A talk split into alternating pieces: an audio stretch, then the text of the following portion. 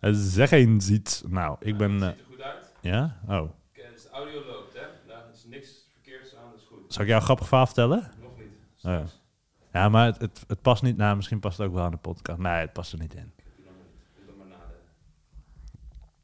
Yes. camera staat aan. Audio loopt. Lampen branden. Telefoon staat op stil.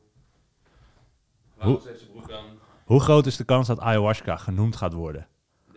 Podcast? Ja? Maar dat heb je zelf in de hand. Ja, precies. Maar dat jij het noemt. Vrij klein. Nou, dat zullen we nog wel eens even zien. Dat zullen we nog wel eens even zien. het is nu in de lucht gegooid, dus misschien wordt hij wel genoemd. Hoe laat is het? Is?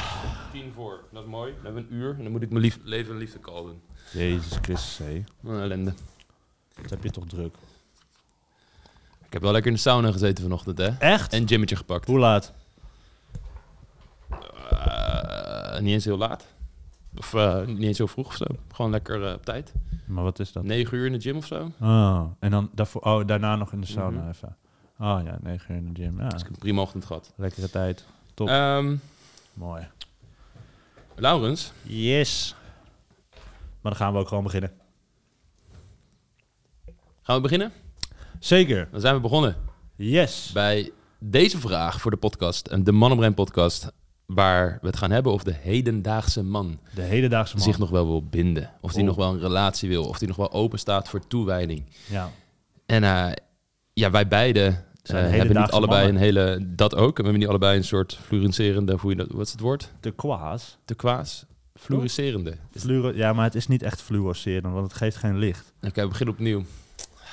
Anders duurt het te lang. Sorry. Maakt niet uit. Laurens, Yes. we zijn begonnen met de Mannenbrein podcast. Top. Waarbij de vraag centraal staat... Ja. Wil de hedendaagse man zich nog wel binden? Wil hij Oh. nog wel een relatie? Wil Gelooft hij nog wel in liefde tussen twee personen? Ja. En wij zijn twee hedendaagse mannen. We zijn twee hedendaagse mannen. Dus wij zijn allebei helemaal op vastgebonden in onze relaties. Ja. Eh wij kunnen nergens meer heen. Hè? Dus eh, blijkbaar wel. Ja, precies. Eh, nee, het is, een, het is een hele interessante vraag die ik vaak bij me krijg. Zijn mannen nog wel geïnteresseerd in relaties? Ehm, de hedendaagse datingcultuur, dat draait allemaal om one-night stands, friends with benefits. Eh, de dating apps zijn verschrikkelijk, want daar zitten allemaal mannen op die alleen maar seks willen en niet in staat zijn om een redelijk fatsoenlijk gesprek te onderhouden. En dit zijn de verhalen die ik eigenlijk constant bij me krijg. En ik wil niet zeggen dat het alle verhalen zijn die ik bij me krijg, gelukkig. Weet je, het is, Altijd het is wel- hetzelfde verhaal. het is wel een, een groot gedeelte van de verhalen die ik bij me krijg. En Ja. ook, ook onder reacties, als reacties zie je onder onze post. post. En soms gaan eh, sommige dames die heel erg reageren vanuit pijn nog wel een stapje verder. Door eh, opmerkingen erbij te zetten zoals... ah, mannen zijn allemaal kinderachtig, mannen zijn allemaal hufters, mannen zijn allemaal dit en dat, en noem maar op. Ja. En ik vind het een heel interessant, omdat ik weet dat zowel jij als ik ook een hele reis hebben doormaakt, doorgemaakt, om uiteindelijk in een liefdevolle, toegewijde relatie te belanden. En het leek me een hele mooie om de situaties te pakken van de mannen die wij zelf coachen en waar zij doorheen gaan, de dingen die we horen, zodat vrouwen en mannen ook beter begrijpen van oké, waar, waar komt het nou vandaan en waarom is het zo verwarrend dat daten af en toe? Want soms is het zo dat je als vrouw wellicht aantrekkingskracht ervaart, chemie ervaart, connectie en je denkt, ja, het voelt toch allemaal goed. Hij zegt dat het ook goed voelt. Waarom lukt het dan niet? Waarom Hoezo? het dan toch niet? Ja, waarom hoor ik dan opeens voor twee weken Ja, niks van hem? Of Precies. waarom twijfelt hij dan? Het voelt toch goed? Hij vindt Ja. mij toch een leuke vrouw? Dat zegt hij letterlijk. Hoezo wil hij dan geen relatie? Wat, wat is er dan? En dan komen er al snel, worden er termen als bindingsangst opgegooid. Precies. En ik denk dat bindingsangst vaak te snel als stempel wordt gedrukt op mannen die zich niet willen binden. En dat het niet per se een angst is om te binden in alle gevallen. Mhm. Maar dat er ook andere variabelen spelen. En die wil ik allemaal op tafel leggen tijdens deze podcast. Omdat ik denk dat dat voor heel veel begrip gaat zorgen van de vrouwelijke kant. En uiteindelijk ook voor gaat zorgen dat je ehm, minder lang bij mannen blijft hangen die overduidelijk niet in staat zijn om zich te binden. Dus dat je sneller gaat filteren. En wanneer je een man ontmoet met wie het in potentie zou kunnen, maar die toch nog met bepaalde twijfels zit, dat je daar op een andere, aantrekkelijkere manier mee omgaat. En jezelf ook niet zo verliest in allerlei angsten. Dat je ook nog de grootste kans hebt dat het wat wordt tussen jou en die man. Ja. Dus eh, let's go. Ja, mooi, eh, mooi lijstje voor vandaag. Ja. Waar, waar zullen we eens beginnen? Nou, wat, eh, ik denk dat het een hele goede is om te beginnen bij de relatiepyramiden. En dan uit te leggen, gewoon eerst eventjes om de kaders te zetten in het hoogste abstractieniveau en dan helemaal naar het meest pragmatische, praktische toe te werken. Waarbij we het dus eerst hebben van oké, man ontmoet vrouw. Wat gebeurt daar nou? De meeste mensen, of het nou via online dating is of via een ontmoeting in de kroeg, via werk, waar het ook is, is er een bepaalde mate van interesse in de andere persoon, vooral gebaseerd op fysieke aantrekkingskracht en energie. Van oké, ik zie een persoon, hoe die persoon zich kleedt, uit, hoe ze communiceren, dat vind ik prettig. Dat doet iets met mij. Ik merk Precies. op dat deze persoon specialer is dan de man die ernaast staat, waar ik geen interesse voor heb. Nee. Dus dat is het niveau waar de meeste mensen iets hebben. Oké, dit dat is wel iets belangrijks voor mij. Ik moet aantrekkingskracht voelen. Ja, eerste kleine stapje van aantrekkingskracht. Juist. Zou je het kunnen noemen. Ja. Juist.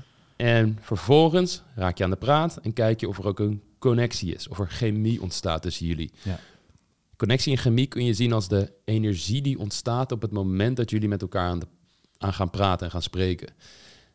Aantrekkingskracht kan eenzijdig zijn. Dus jij kunt aantrekkingskracht voor iemand anders voelen en die andere persoon totaal niet voor jou. Soms weet die persoon niet eens van jouw bestaan af. Nee, Zo krijg ik wel eens vragen van mensen over personen die ze wel eens in de gym hebben zien lopen of precies. Celebrities. celebrity crush. Het kan allemaal, Ja. weet je wel. Maar chemie en connectie, dat is altijd een energie die ontstaat tussen twee personen. Ja.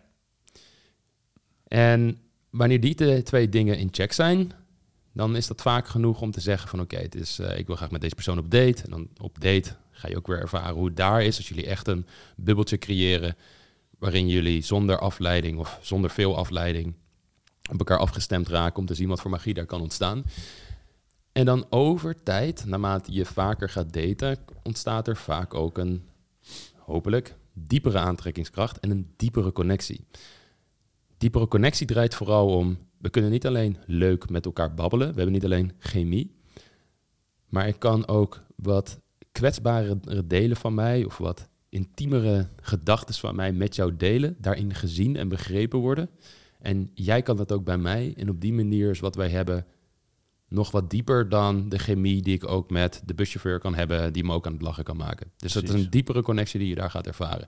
Niet iedereen komt daar. Dat Nee. is al gelijk iets waar, waar je een stapje verder. stapje verder. Maar je kan het aan de andere kant ook alweer in sommige gevallen vrij snel al ervaren. Mhm. Als je dus met iemand eh, praat, misschien ontmoet je gewoon iemand in de kroeg of zo. En aan het begin, hè, nou, er is de aantrekkingskracht, chemie. Maar dat je ook al in dat gesprek voelt van... Hey, oh, ik kan al een laagje dieper gaan of een bepaalde kwetsbare versie van mezelf laten zien. Terwijl daar niet eens heel veel tijd tussen eh, heeft hoeven zitten.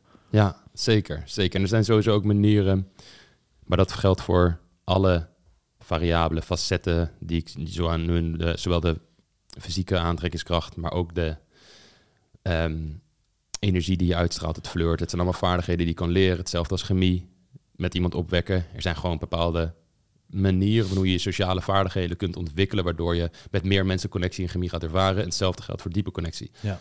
Eh, dus daar- dat, dat is allemaal te trainen. En dan is er ook nog een vorm van diepe aantrekkingskracht. En diepe aantrekkingskracht draait echt om, oké, bewonder deze persoon pers- persoonlijkheid. Gewoon van hoe ze met het leven omgaan, hoe ze met mij omgaan, hoe ze op bepaalde dingen reageren.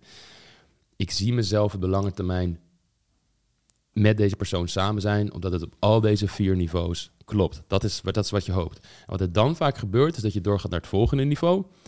En dat is het niveau van toewijding. Maar er zijn twee belangrijke facetten die daar weer spelen. En de eentje is de verliefdheidsdrempel. Van oké, ontstaan er daadwerkelijk verliefde gevoelens? Want soms is het zo dat een persoon iemand aantrekkelijk vindt, chemie ervaart, zelfs op zich bewonderenswaardige karaktereigenschappen ziet in die andere persoon. En ook het gevoel hebt dat ze op dat diepere niveau kunnen praten, maar dat er toch geen verliefdheid ontstaat. Nee. Het komt niet heel veel voor, maar dat, dat kan wel gebeuren. Ja. Meestal, als de mensen eerlijk zijn, dan scoren ze gewoon niet hoog genoeg op al die niveaus. En daardoor ontstaan die verliefde gevoelens niet. Alleen, ja, ga dat maar tegen iemand zeggen op het moment eh, dat jij je twijfels uitspreekt. Mannen vinden dat ook niet prettig. Dus dat Nee. is meestal niet de boodschap die je krijgt te horen. Dus je krijgt gewoon vaak te horen, ja, ik, eh, ik weet het niet, ik twijfel toch gewoon nog. Of ja, ik, ik ben niet verliefd. En dat meestal zit het dan ook al in dat mannen dat van het begin al wel redelijk wi- wisten, maar toch een kans gaven van Ja. oké, ik wil het wel kijken of het nog kan ontstaan. En soms ontstaat het ook. Nou, dat is één ding. Dus die verliefdheidsrempel kan, kan je niet overkomen. Maar er is ook een gedeelte relatie readiness. En dat betekent op welke plek is die persoon in zijn leven? Is hij op dat moment klaar om een relatie aan te gaan? En dat is een stuk waarin ik zie dat heel veel mannen in verschillende situaties, ondanks dat ze aantrekkingskracht, chemie, soms zelfs diepe aantrekkingskracht, diepe connectie met jou ervaren, toch niet klaar zijn voor een relatie. En dat is wat het hele verhaal zo gigantisch verwarrend maakt. Precies. Want je voelt al die dingen door je lichaam heen gaan. Misschien is het als vrouw zijnde dat je ook al die verliefde gevoelens ontwikkeld hebt, omdat je die aantrekkingskracht en connectie ervaart. En toch werkt het niet. Nee. En misschien laat die man ook nog wel eens tekenen zien van... hé, hey, dit gaat echt een bepaalde kant op, of echt een serieuze kant op. Of uh, inderdaad, hij, hij, hij bewondert me, of spreekt dat zelfs ook uit. Ja. Uh, of, of, of noemt misschien al hele relatieachtige dingen... maar dan toch zit dat niet goed met die relatie readiness. Ja. Soms ook omdat mannen het niet kunnen toegeven van zichzelf... dat die relatie readiness er niet is. Of omdat ze simpelweg ook er niet bewust van zijn. Ja. En dit is, uh, als ik voor mezelf spreek, toen ik, uh, ik was 19 tot mijn 20, nou 18 tot mijn 20 ongeveer, was ik samen met mijn ex. En ik wist altijd al, ik ging toen ook net studeren in Amsterdam. Ik moet echt nog voor mijn gevoel gewoon een soort bachelor bestaan leven. Uh, mijn angst voor vrouwen aanspreken in de club overwinnen. Ik wil weten hoe ik vrouwen kan aanspreken op straat, omdat ik daar ook een sociale angst had. En, en ik wist dat ik dat... Nou, ik ben geen, niet het type dat vreemd gaat, dus ja... Uh, en dat gaat toch botsen met de relatie waar ik op dat moment in zat. Precies. Dus ik wist van, oké, okay, dat is een, een gedeelte wat dan niet past bij mijn relatie. Plus ik kom uit een dorp voorhoud en ik ben verhu verhuisd toen naar Amsterdam. Mijn toenmalige vriendin, mijn ex, die, uh, die woonde daar toen nog. En ik had zoiets van, ja, ik wil ook een nieuw leven opbouwen in Amsterdam. Dus er waren heel veel facetten in mijn leven, waardoor ik niet meer relatie ready was eigenlijk. En al wist van, oké, okay, ik moet het uitmaken om mezelf echt te kunnen ontplooien in deze wereld, te ontwikkelen omdat het niet eerlijk naar haar en naar mezelf is als ik dit nu niet doe. En als ik mezelf dan heel veel van die to-do dingen als het ware, om mezelf te ontwikkelen als persoon, heb kunnen afvinken, mezelf in de spiegel kan aankijken van oké, die angsten en zo, al die dingen die je wilde doen, die heb je overwonnen. Dan hoop ik dat ik meer rust ervaar in mijn systeem en dan zien we wel. Maar vanaf dat moment was ik dus echt niet relatie ready. En vrouwen die ik tegenkwam, um, dat waren ook de signalen die ik afgaf. Ook zei van ja, ik ben niet op zoek naar een relatie of wat dan ook. En dat is helemaal oké. Okay. Dat sprak je ook uit naar ze? Als, het, als zij serieuze intenties hadden, wel. Ja. Maar uh, ik, hoe de manier, de lifestyle die ik op dat moment had... denk ik ook dat weinig vrouwen mij serieus namen als relatiemateriaal. Um, gewoon van hoe, de party lifestyle die ik had. En ik gaf geen enkele signalen af dat ik serieuze intenties had. Het was allemaal fun um, en meer friends with benefits, scharrelachtige contacten. Ja. Um, maar hier is waar het interessant wordt. Op een gegeven moment heb ik mijn vriendin ontmoet toen ik 23 was. En nog steeds zat ik eigenlijk in een fase van ja, ik wil nog niet per se een relatie. Maar ik heb mijn vriendin ontmoet op de eerste dag dat ik ook aan mijn hele carrière als datingcoach begon. Ja. Ik liep toen mee met de Traction Gym, uh, met Daan, die ook wel eens in de podcast is geweest. En op die eerste avond uit, waarbij we dus met mannen, met coaches ook naar clubs gaan. Uh, dat fantastisch. Uh, mannen met bijvoorbeeld sociale angst of niet weten hoe ze een vrouw moeten aanspreken, coachen we letterlijk in clubs en in barren hoe ze dat wel kunnen doen. En het, het, is, het is geniaal om te zien, omdat je mannen door barrières bij zichzelf heen ziet breken en overtuigingen ziet versplinteren die ze altijd over zichzelf hebben gehad. Namelijk dat zij niet grappig zijn, dat niemand op hen zit te wachten, dat hun verhalen niet interessant zijn. En als je ze dan leert hoe ze uit die sociale schil kunnen breken en hun authentieke zelf echt laten zien in het contact met vrouwen, dan zie je ze helemaal echt levensenergie ontdekken in zichzelf. Ja, Super mooi. Geweldig. Ook mooi om te zien hoe ze dan zo'n weekend binnenkomen en hoe ze dan vervolgens weer vertrekken. Ja. Als ze binnenkomen, nog allemaal zo stil en verlegen. En dat Ja. op de zondag, als het dan klaar was, zag je ze alweer veel meer uitgesproken. Waren ze er veel meer. Ja. Super, super tof om, uh, om dat gedaan te hebben. En nog Absoluut. steeds te doen. Dus nou ja, goed, ik zag dat op die eerste avond dat ik uitging. Maar diezelfde avond een, een vriend van mij een, uh, feest georganiseerd in Paradiso. Ik ging daar nog heen na die hele training. En daar echt in de laatste tien minuten heb ik mijn vriendin ontmoet, Lara. En vanaf moment één voelde ik al van oké, dit is speciaal. Dat is ook wat ik de volgende dag tegen uh, mijn huisgenoten zei toen de tijd nog. En ik had niet per se de intentie om gelijk al een relatie te nemen of wat dan ook. Maar ik had wel zoiets van, oké, dit voelt zo goed dat het zonde zou zijn om dit weg te doen als het ware. Dus we zien wel waar het heen gaat. Meer dacht ik ook niet echt over na. Dat was het ook gewoon. En gaandeweg uh, zijn we langer gaan daten, pasten we echt heel goed bij elkaar. We zijn al vrij snel relatiegerichte activiteiten gaan ondernemen. Uh, zo waren we um, naar een museum geweest, zo waren we naar uh, live muziek gegaan en dat soort activiteiten ondernamen we. En uiteindelijk, na best wel een hele lange periode, um, acht maanden, zijn we toen officieel uitgesproken vriend en vriendin geworden. En dat is mijn proces erin geweest, waarin ik best wel tegen veel dingen aanliep van oké, ja, wat wil ik? Wil ik wel een vriendin en zo? En kijk, voor mij was het ook al vrij duidelijk dat ik geen monogame relatie wilde sinds mijn relatie toen ik 18, 19 was. Mhm. En ik wist van oké, mijn hele beeld van monogamie relaties is echt fundamenteel anders dan voor mijzelf dan, hè? niet voor per se andere mensen. Ik zeg niet dat andere mensen dit ook moeten doen of dat dat, dat de juiste weg is. Nee, precies. Ik denk dat de mens in de core gemaakt is om je te hechten aan andere mensen, maar dat de relatievormen die we aannemen heel cultureel bepaald zijn. En dat zie je in alle antropologische onderzoeken terugkomen. Ja. Anyways. Ik wist van oké, dit is een vorm waarbij ik mijn hele carrière als datingcoach nog steeds kan uitbreiden. En ik zie voor mij hoe ik nog steeds mezelf kan ontwikkelen, andere mensen blijven ontmoeten en het leven dat ik wil leiden, kan leiden met Lara. Dus het een, de relatie, sluit het ander niet uit. Natuurlijk zijn altijd bepaalde opofferingen die je doet, maar dat is het helemaal waard voor wat je ervoor terugkrijgt. En dat is denk ik ook weer iets waar veel mannen tegenaan lopen, is dat ze, vrouwen trouwens ook die ik bij me krijg, is dat ze die visie van hoe ze hun leven kunnen leiden als ze vrijgezel zijn. En dat bedoel ik niet per se in het contact met vrouwen, maar gewoon de vrijheid die ze hebben eh, om nog een reis te maken of, of wat dan ook dat die visie niet matcht met de visie die ze ook hebben van hoe het gaat zijn als ze in een relatie zitten. Ja. En dat dat voor een, ook een, een lagere relatie readiness zorgt voor veel mannen. Dat ze dat moeilijk vinden om die beelden te verenigen. Zeker. Ben heel benieuwd, ehm, ja, wat zijn de dingen die jou daarbij bij opvallen in het algemeen bij mannen? Ik heb nu een grote abstracte verhaal verteld van oké, dit is waar je doorheen gaat als je een man ontmoet, hoe je verliefd kan worden, waar dus tegenaan lopen. En ik wil nu vooral echt casussen gaan behandelen, ehm, waarbij je veel voorkomende casussen die heel verwarrend zijn voor, voor vrouwen. Ja. Maar ik ben veel aan het worden, dus ik ga gewoon even mijn mond nemen, een slok van mijn koffie nemen. ja, precies. Geniet, lekker, geniet van je bakje onrust en van je, van je glas water. En dan bedoel je specifiek situaties die ik ook zie bij het coachen van mannen, waar mannen dan zoal tegenaan lopen, wat dan ook weer voor verwarring zorgt bij vrouwen. Klopt dat? Eh, nou, vooral de verwarring die vrouwen dus inderdaad ervaren. Ja, Bij- voor- ja. ja precies.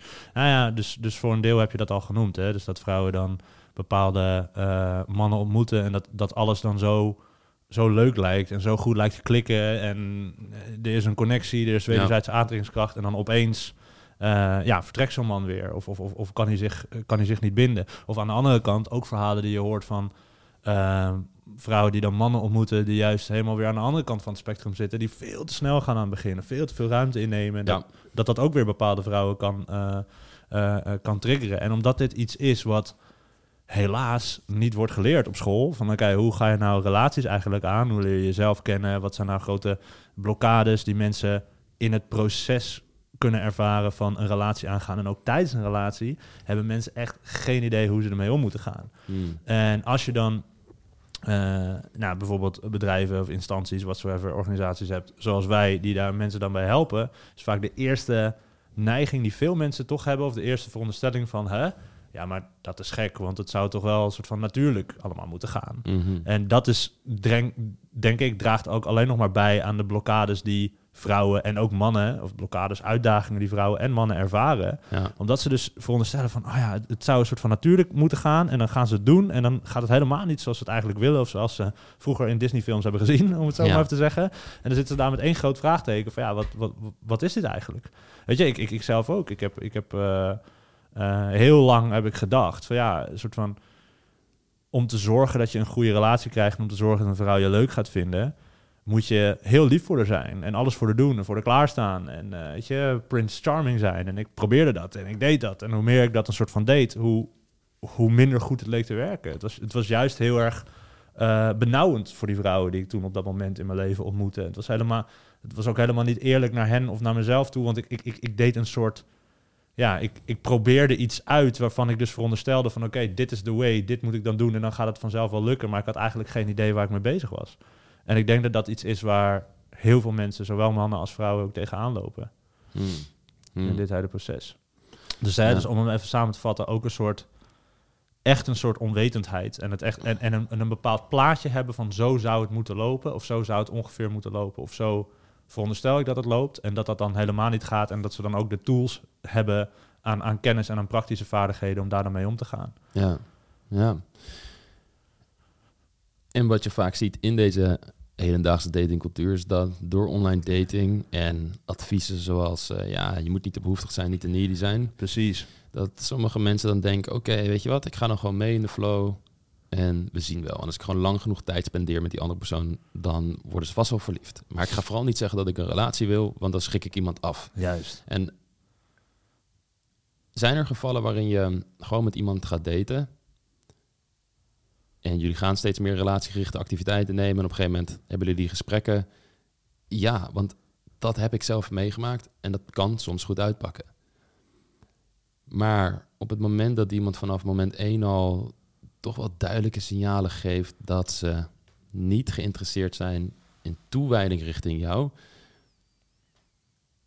en jij denkt nog steeds van, nou ja, als ik het maar lang gewoon genoeg hem leuk blijf appen en contact probeer te blijven houden, dan komt het wel goed. Ja, het Disney-sprookje of het romantische filmsprookje, zeg maar.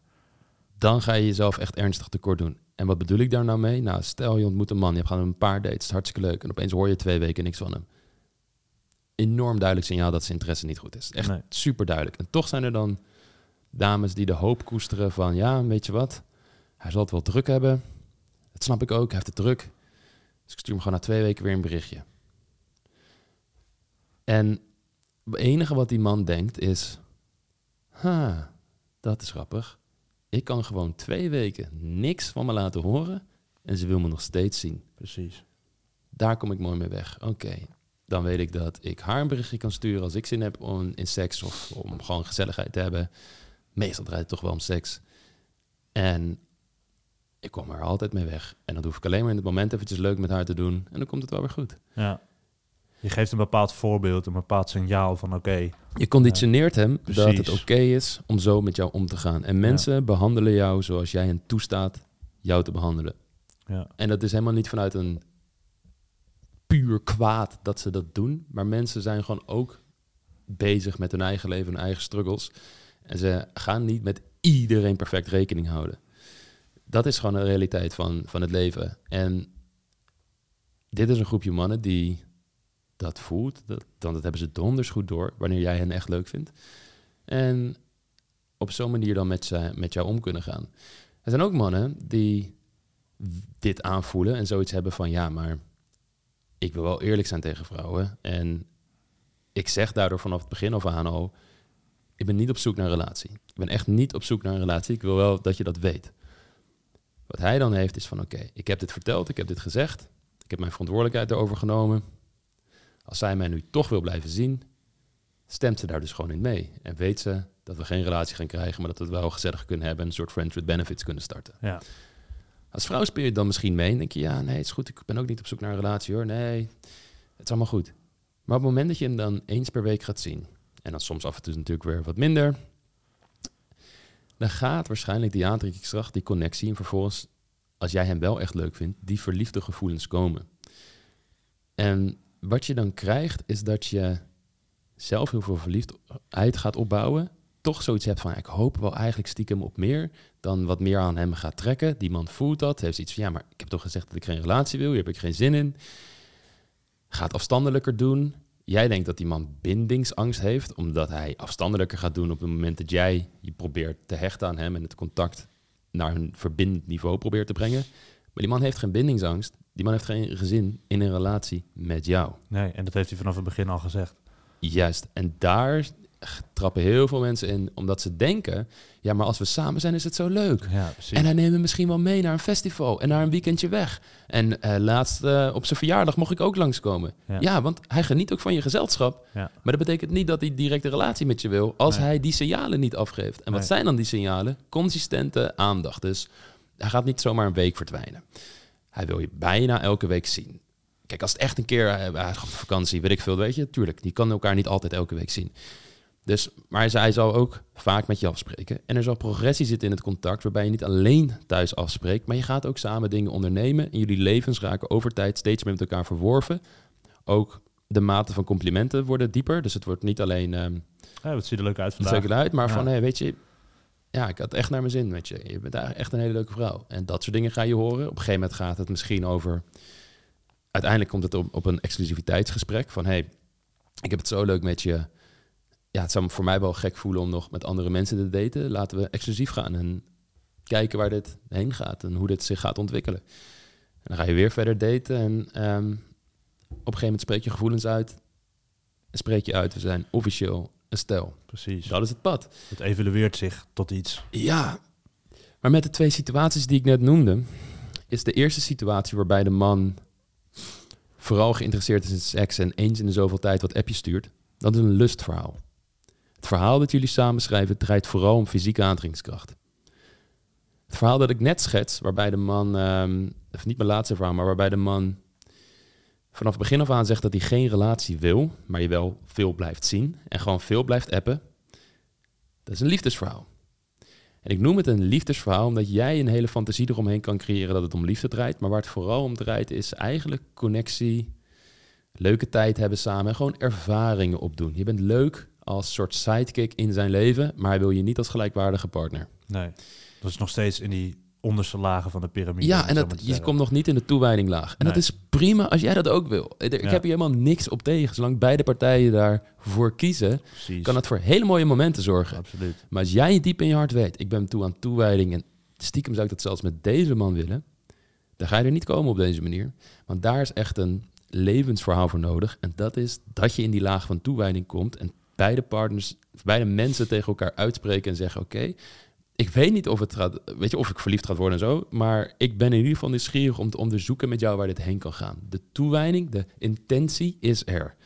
En natuurlijk, ik heb geen controle over mijn neurologische biologie of alle stofjes aangemaakt worden dat ik daadwerkelijk verliefd word op jou. Maar hey, ik hoop het wel, want ik, ik zou dat willen. Ik ben daar aan toe. Precies. Ik ben ook relatie ready. En dat is het stuk waar je, waar je wil komen en waar je op de signalen wil letten. En hier is wat het ook zo verwarrend maakt is dat sommige mannen vanaf moment één je kunnen overladen met wat voor fantastische vrouw jij bent. En oh, ik snap niet dat jouw ex je het heeft uitgemaakt, want je bent zo'n leuke vrouw. En je ziet hem uh, de eerste week dat je hem hebt ontmoet, zie je, zie je misschien vijf keer. Je blijft drie keer slapen. Dus het is heel intens vanaf moment één. En opeens hoor je twee weken, hoor je niks meer. Ja. En dat maakt je verward, omdat je denkt van, hè, maar hij was toch consistent? We zagen elkaar vaak. Er zat progressie in het contact, want we deden ook leuke dingen. En dan, ja, die elementen waren er, maar in een veel te kort samengeperst tijdsbestek. Dat moet over een langere tijd, over weken, soms maanden moeten die factoren aanwezig zijn. En wanneer het een hele korte tijd zo intens aanwezig is en een man zelfs je overlaat met complimentjes dat het op lovebombing gaat lijken, dat zijn hele duidelijke intenties dat zo'n man waarschijnlijk niet helemaal in touch is met wat hij nou echt voelt, een soort emotionele volwassenheid mist. En daardoor misschien ook jou naar de mond gaat praten, omdat hij weet als ik dit soort dingen zeg in het moment. Die ik misschien ook wel ergens een beetje voel. Maar ik zeg ze ook vooral omdat ik weet hè, dat jij mij dan heel leuk gaat vinden dat ik krijg wat ik wil. En vervolgens geen verantwoordelijkheid neemt daarna van zijn daden. Van hé, hey, ja, sorry, ik heb misschien dingen gezegd die ik niet had moeten zeggen, want dat ik daar een bepaalde verwachting bij jou heb geschept. Maar ja, ik voel het nu eigenlijk toch niet meer en ik wil het hierbij laten. Precies. En dat kan vervolgens ook... Super verwarrend. Dat kan, ja, dat is heel erg verwarrend. En dat kan vervolgens ook weer leiden tot ehm, negatieve overtuigingen en ook negatieve of destructieve gevolgen voor ja, later in je liefdesleven. Mhm. Dus toen jij dit verhaal net vertelde, toen schoot me opeens een, uh, nou, een eigen ervaring te binnen. Toen ik 21 was. Toen, wij elkaar leerden kennen, bedoel je? Ja, ja. Intens week. ontmoet. En toen in één keer ging het allemaal zo snel. Ja, maar dat, ja, inderdaad. Dat was toen wij elkaar uh, leren kennen. Vlak daarvoor. was, echt zo. Ja, was echt, ja, vlak, vlak daarvoor was dit, uh, uh, was dit verhaal gebeurd. Um, ik, ik had een vrouw ontmoet in, in de club. En nou, net als jij, ook rond die tijd in mijn leven. Ik ging veel uit en veel op dat versierpad. En nou, dat superleuk, een heel avontuur. Maar bij haar, dat, dat klikte zo enorm vanaf het eerste moment. En we zijn ook vrij snel daarna op date gegaan. En Het was zo verliefd, maar van, van weerszijden. Hè? Dus van haar Mhm. kant en van mijn kant. En zo op zo'n roze wolk. En het voelde zo goed. En ik, ik, ik weet nog dat ik een soort van tegen mijn vrienden ook zei van... Ja jongens, eh, weet je, ja, soort van, om het zo maar te zeggen... Ik ga mijn versiercarrière echt aan de wil gehangen. Want ja, ik, ik heb er nu gevonden, weet je wel. Hier, hier ga ik mee verder. En, en het was, dit was letterlijk gewoon twee weken nadat ik haar had ontmoet of zo. Het was al helemaal had ik die beslissing gemaakt. En, en zij ook. En we hadden het al over de toekomst en, en, en al dat soort dingen. En toen op een gegeven moment, na een, dus een maand, begon ze opeens ja, wat minder contact te zoeken. En leek ze opeens wat, wat afstandelijker te doen. Ik had al zoiets van, nou, wat, wat is nou precies aan de hand? Eh, en op een gegeven moment kreeg ik dan eh, ja, iets daarna, een soort van het fatale appje van ja, Lau, ja, sorry, maar ik denk toch dat we, dat we niet bij elkaar passen. En ik was heartbroken. Ik, had, ik heb daarvoor al wel liefdesverdriet ervaren, maar dit was zo intens heftig. Ik weet nog ook dat ik in die periode was ik met mijn vrienden op vakantie in Hongarije. Ehm, iets daarna was dat. Nou, we waren uit geweest. En ik, en ik had zo'n hele stoere attitude. Hè, van, ah, ja, dit, dit doet me niks. Ik ga gewoon lekker verder met mijn leven. Lekker single zijn. Je had gelijk, gelijk dat, gelijk dat schild op. En ik ben daar toen ook in Hongarije, ik ben helemaal ingestort. Want het, deed zoveel pijn en zoveel verdriet. En daarna, en dat is wat ik dus bedoelde met die schadelijke gevolgen. Daarna meette ik me dus ook een soort houding aan van... Het, het hoeft voor mij niet meer. Van het, het levert alleen maar gezeik op als ik nu een verbinding met mensen aanga. Mm. Dus ik, ik, ik ga nu ook gewoon maar verder met dat, weet je, dat, dat single leven pad. En ben Ja. ik vanuit daar eh, ja, verder gegaan. En, en terwijl, hè, en, en, en, en in die tijd heb ik ook haar een soort van de schuld gegeven ervan. Van oké, ja, van zij heeft mij heel veel pijn gedaan. Terwijl, en, en daarom kan ik dit nu niet meer. En daarom ga ik het ook niet meer doen, weet je wel, verbinding zoeken. Terwijl wat de eigenlijke situatie was, was heel veel onwetendheid bij mezelf. Ik, ik kende mezelf nog helemaal niet goed. Ik wist helemaal niet wat ik wilde. En precies die stappen die je nu net uitlegt van hoe het uiteindelijk eh, ontstaat tot een liefdevolle relatie met die relatiepyramide. Ik, ik had er nog geen idee of veel te weinig idee van. Mhm. En, en haar kant was dat precies hetzelfde. Dus wat er gebeurde waren twee mensen die zichzelf volledig lieten leiden door hun eigen driften. En dat, dat, dat spat op een gegeven moment uit elkaar. En misschien, hè, als ik dit voorbeeld noem, is dit dus herkenbaar voor luisteraars ook. En misschien dus ook vanaf de andere zijde, vanaf eh, eh, de kant van de vrouw. Dat je dus met een man iets opbouwt en opeens is die man weg. Of opeens explodeert het om wat voor reden dan ook. Om vervolgens dan met zo'n gevoel te zitten van, ja, maar het, het, het heeft allemaal geen zin meer. Het, weet je, dit, dit, dit, ik heb het geprobeerd en het heeft gewoon geen zin meer. En, en dat is zo jammer. Want op een gegeven moment, als dat komt en je gaat daar echt in geloven. En dat is precies die Ja. voorbeelden die je ook hebt gezegd van een paar vrouwen die dus soms bij ons reageren en vanuit die pijn dus gaan reageren. Mhm. Dan is dat het enige wat je nog gaat krijgen. Ja, Dat is het enige wat je nog aan gaat trekken. dat is de energie die je uitstraalt. Precies. En de enige mannen die daarmee resoneren zijn juist de mannen die zelf ook op dat pijnlevel fungeren in de wereld. Juist. Want een man die emotioneel volwassen is, zich goed voelt, eh, die gaat daar niet tot aangetrokken zijn. Die ga je daar echt mee afstoten. Ja, En dat is, dat is een hele pijnlijke waarheid. Maar het- ik zie het keer op keer gebeuren. ja. Mm. en dan kom je in zo'n negatieve feedback loop. Of zoals Mark Mensen dat doet, de feedback loop from hell. Ja. Van je zit al in een verkeerd patroon eigenlijk en je trekt alleen nog maar steeds de verkeerde man en de verkeerde situaties aan, waardoor dat die overtuiging de hele tijd bevestigd wordt van ja, nee, de man anno eh, 2022, ja, die wil zich niet binden. Ja, ja. Ja, en dat, eh, dat is dus een hele boeiende, want ergens wil je wel dat gevoel hebben van deze persoon is speciaal en ik wil met deze persoon verder. Alleen dat verder gaan zit hem nog niet in de keuze van ik wil met hem samen zijn en een relatie starten. Want daar ken ik deze persoon nog helemaal niet goed genoeg voor. Ik wil alleen onderzoeken of het wat kan worden. Ja, En daar hoort ook bij dat als ik echt mijn authentieke zelf ben, dat hij dat leuk vindt. En als dat niet aanwezig is, of hij vindt dat niet leuk genoeg, dan is dat een filterproces. En is dat niet per se een afwijzing voor mij.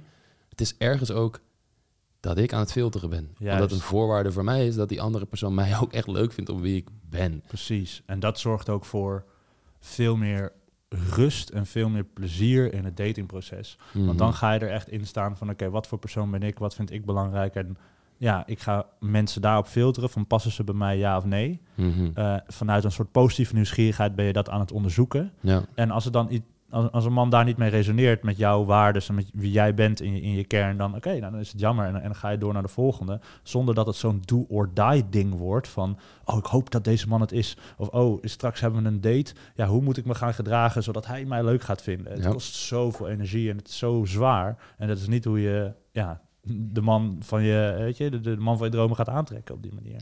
Ja, zeker, zeker.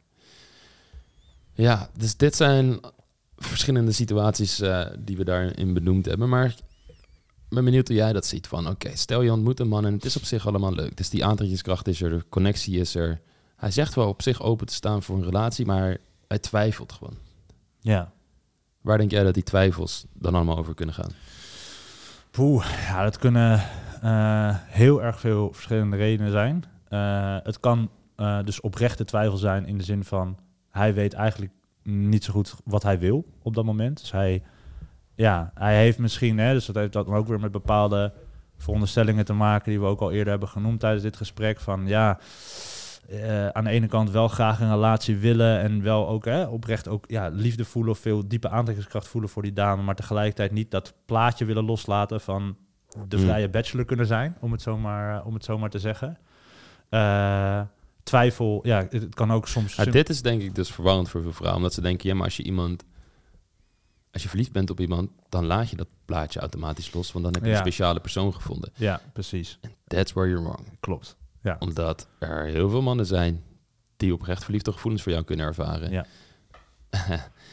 maar nog steeds bepaalde dingen in hun hoofd hebben die ze echt willen doen. Ja, Die ze niet gaan opofferen voor jou. juist. En ik denk dat wij daar alle twee live voorbeelden ook van zijn. Nou, de- Ik denk dat iedereen dat op bepaalde niveaus heeft. Alleen het verschilt heel erg welk gebied dat is. Bijvoorbeeld, stel je wilt heel graag kinderen. Je wordt verliefd op iemand die geen kinderen wil. Als het echt een harde wens van jou is, ja, ja, sorry, dan zeg je oké, maar de kinderwens is zo groot bij mij dat ik geloof dat we nu een heel mooi liefdesverhaal kunnen hebben. Namelijk twee mensen die op elkaar verliefd zijn. Maar het is geen levensverhaal, want de compatibiliteit is er niet. We passen niet goed genoeg bij elkaar qua visie voor het leven en qua visie voor onze relatie. En in zo'n situatie zouden mensen zich wel kunnen voorstellen van, oh ja, ja, ik snap dat het dan lastig kan zijn. En dat je dan misschien toch niet bij elkaar past. Hetzelfde is natuurlijk met immigratiewensen. Maar er zijn ook heel veel mannen die bepaalde carrièrewensen najagen en zoiets hebben van dat is gewoon wat ik nu wil. En zich pas goed over zichzelf gaan voelen op het moment dat ze daar bepaalde doelen in hebben gehaald. En daardoor een eigenwaarde er ook heel sterk aan koppelen. En jou nooit een prioriteit gaan maken boven dat werk. En als jij dan van een man verwacht dat hij wel gewoon, dat je hem twee, drie keer per week ziet, wat een hele normaal, normaal iets is.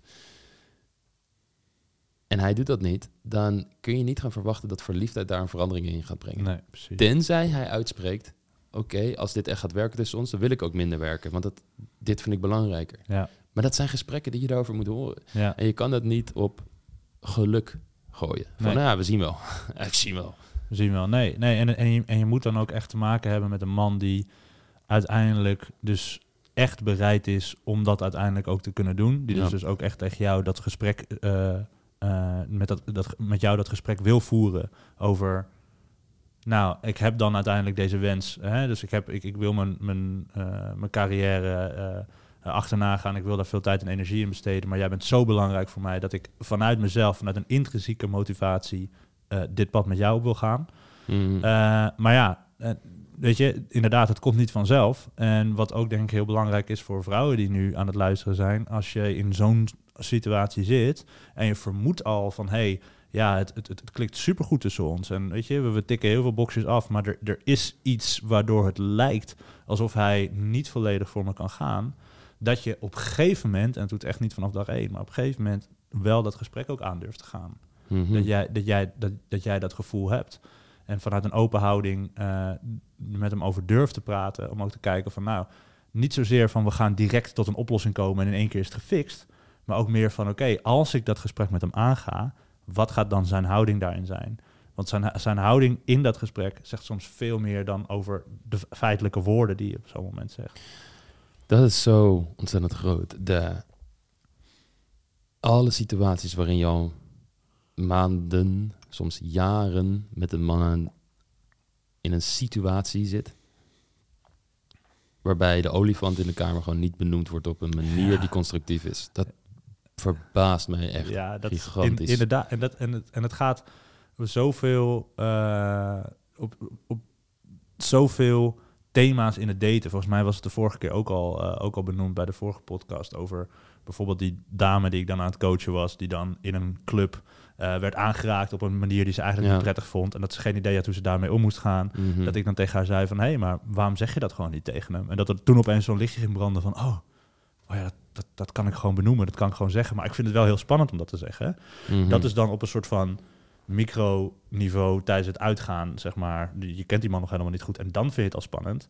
Laat staan als je echt iets met hem hebt opgebouwd, het wordt serieus en dan opeens merk je dingen van, hé, hey, maar dit klopt niet. Of hé, hey, iets voelt niet helemaal goed. En je gaat dat gesprek niet aan. Want de hele tijd blijft dat inderdaad als een grote elephant in the room tussen jullie staan. En ja, dat bouwt zich uiteindelijk op. Ja, ja, ja. En dat is het interessante. Op het moment dat je dat soort dingen wel gaat communiceren, is oké, je bent um, een paar maanden met een man aan het daten, maar je hebt toch het gevoel van ja, ik weet niet hoe die, nou- ik weet eigenlijk niet wat hij nou echt van mij vindt en hoe, hoe dit gaat. Ga het gesprek aan. En het hoeft niet een gesprek te zijn van we moeten praten. We moeten, ja, inderdaad. Dat totaal niet, want dan breng je een hele vernauwde energie. Kijk, de mindset die je wil hebben is... Ik weet dat een relatie met mij oprecht heel mooi is. Ik heb veel te bieden als mens, als vrouw. En de visie die ik heb voor het leven en de relatie is iets wat mij heel veel energie geeft. En ik wil alleen met iemand samen zijn die daar ook energie van krijgt. Wiens relatievisie zo mooi met mij matcht dat er een synergetisch effect plaatsvindt waarbij we elkaar aanvullen.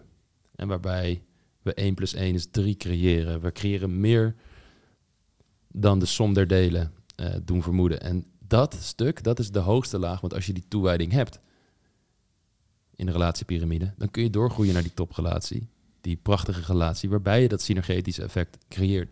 Waarbij twee mensen niet alleen toegewijd zijn aan, aan elkaar en een relatie willen werken en verliefd zijn, maar ook nog eens een visie weten te creëren waardoor ze op de lange termijn een hele solide basis hebben om echt gelukkig met elkaar te zijn. En daar is toewijding, gesprekken, bepaalde patronen bij jezelf ontdekken. Soms ook in het contact met je partner, omdat hij van alles triggert bij jou, wat wellicht nog weggestopt zat. Omdat dat heel moeilijk is om dat als single te ervaren. Daar heb je triggers in een relatie soms voor nodig.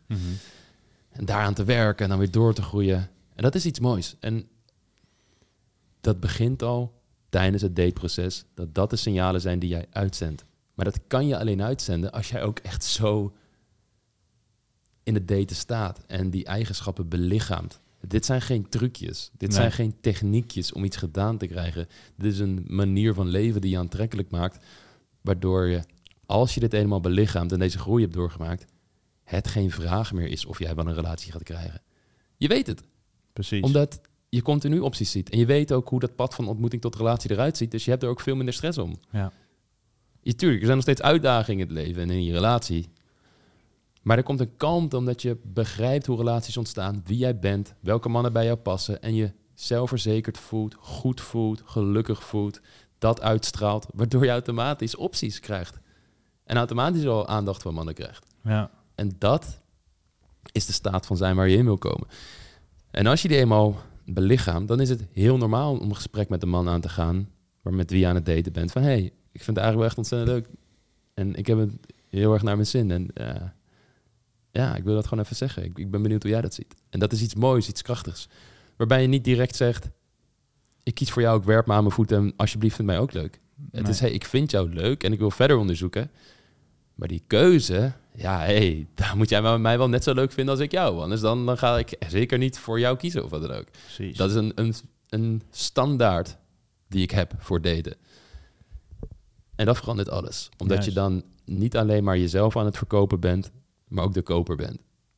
Je bent aan het kiezen van, oké, past deze persoon goed bij mij? In plaats van alleen maar bezig te zijn met, word ik niet afgewezen en vindt hij mij wel leuk? Ja, en daarom vind ik ook dat, eh, dat we hadden het er gisteren ook nog eventjes over, dat principe van dat lege midden vanuit, eh, vanuit familieopstellingen. Dus als opsteller, maar ook als, als coach wil je dus eh, werken vanuit een bepaald lege midden. En wat daarmee wordt bedoeld is eigenlijk een bepaalde staat van zijn, een bepaalde rust in jezelf en een bepaald soort oordeelloosheid.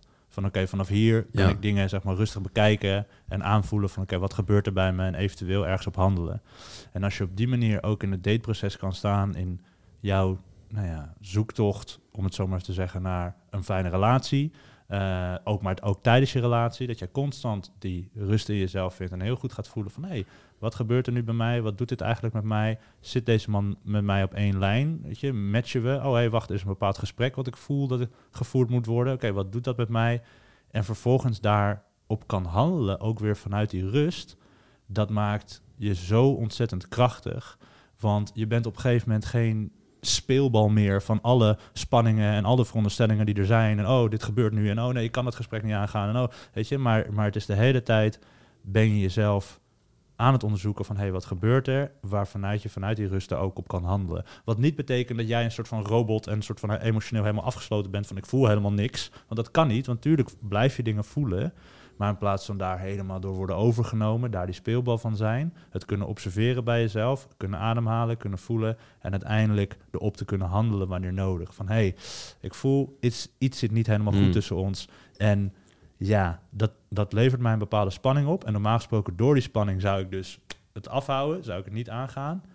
Maar ik voel die spanning en ik benoem dat op deze manier. Van hé, hey, eh, nou weet je, tijdens onze relatie, ik voel ja, iets ziet er niet oké. En ik weet misschien zelfs niet eens wat het is. Maar Ja. hoe zie jij dat? Zit jij ook met die spanning?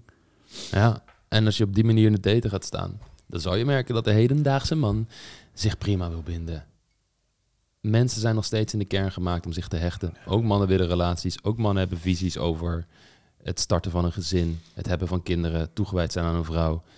Kunnen ze daarnaast andere fantasieën hebben van een soort bachelor bestaan en zo? Ja, tuurlijk. Maar dat betekent niet dat ze dat ook echt daadwerkelijk gaan uitleven of in staat zijn dat aan, uit te leven of dat als belangrijker zien dan een relatie met jou.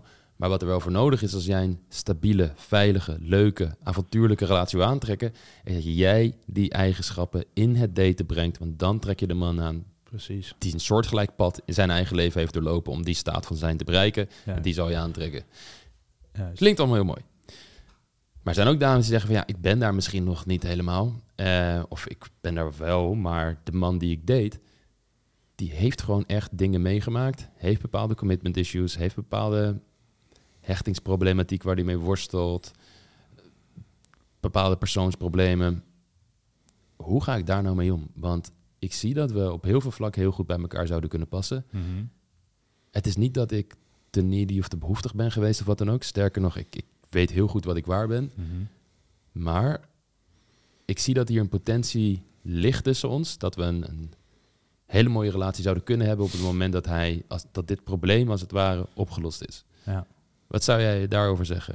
Nou, sowieso zou ik zeggen, je moet 100% zijn coach, zijn therapeut worden. Ja, Je lost het maar even lekker voor hem op en dan vanzelf komt het allemaal wel goed. ja, ja. ja. Of misschien moet je zo'n, die we heel soms bij ons in de YouTube-reacties krijgen, zo'n Magic Witch Ja, ja, ja. eh, appen. het, omdat ze dan een love spel hebben Precies, waarmee je hem dan- maakt. Dan in één keer, ja, ja, ja. Ik denk dat dat wel een goede is. Dat is, dat is inderdaad een goede. Nou, daarmee slaan we hem plat en dan ronden we het af. Nee, maar ik, Hier ik, is het nummer. Ja, precies. Nee, ik, ik heb hier eh, een, een, mooi, eh, een mooi voorbeeld van. Van eh, persoonlijk voorbeeld van ook mijn vriendin nu.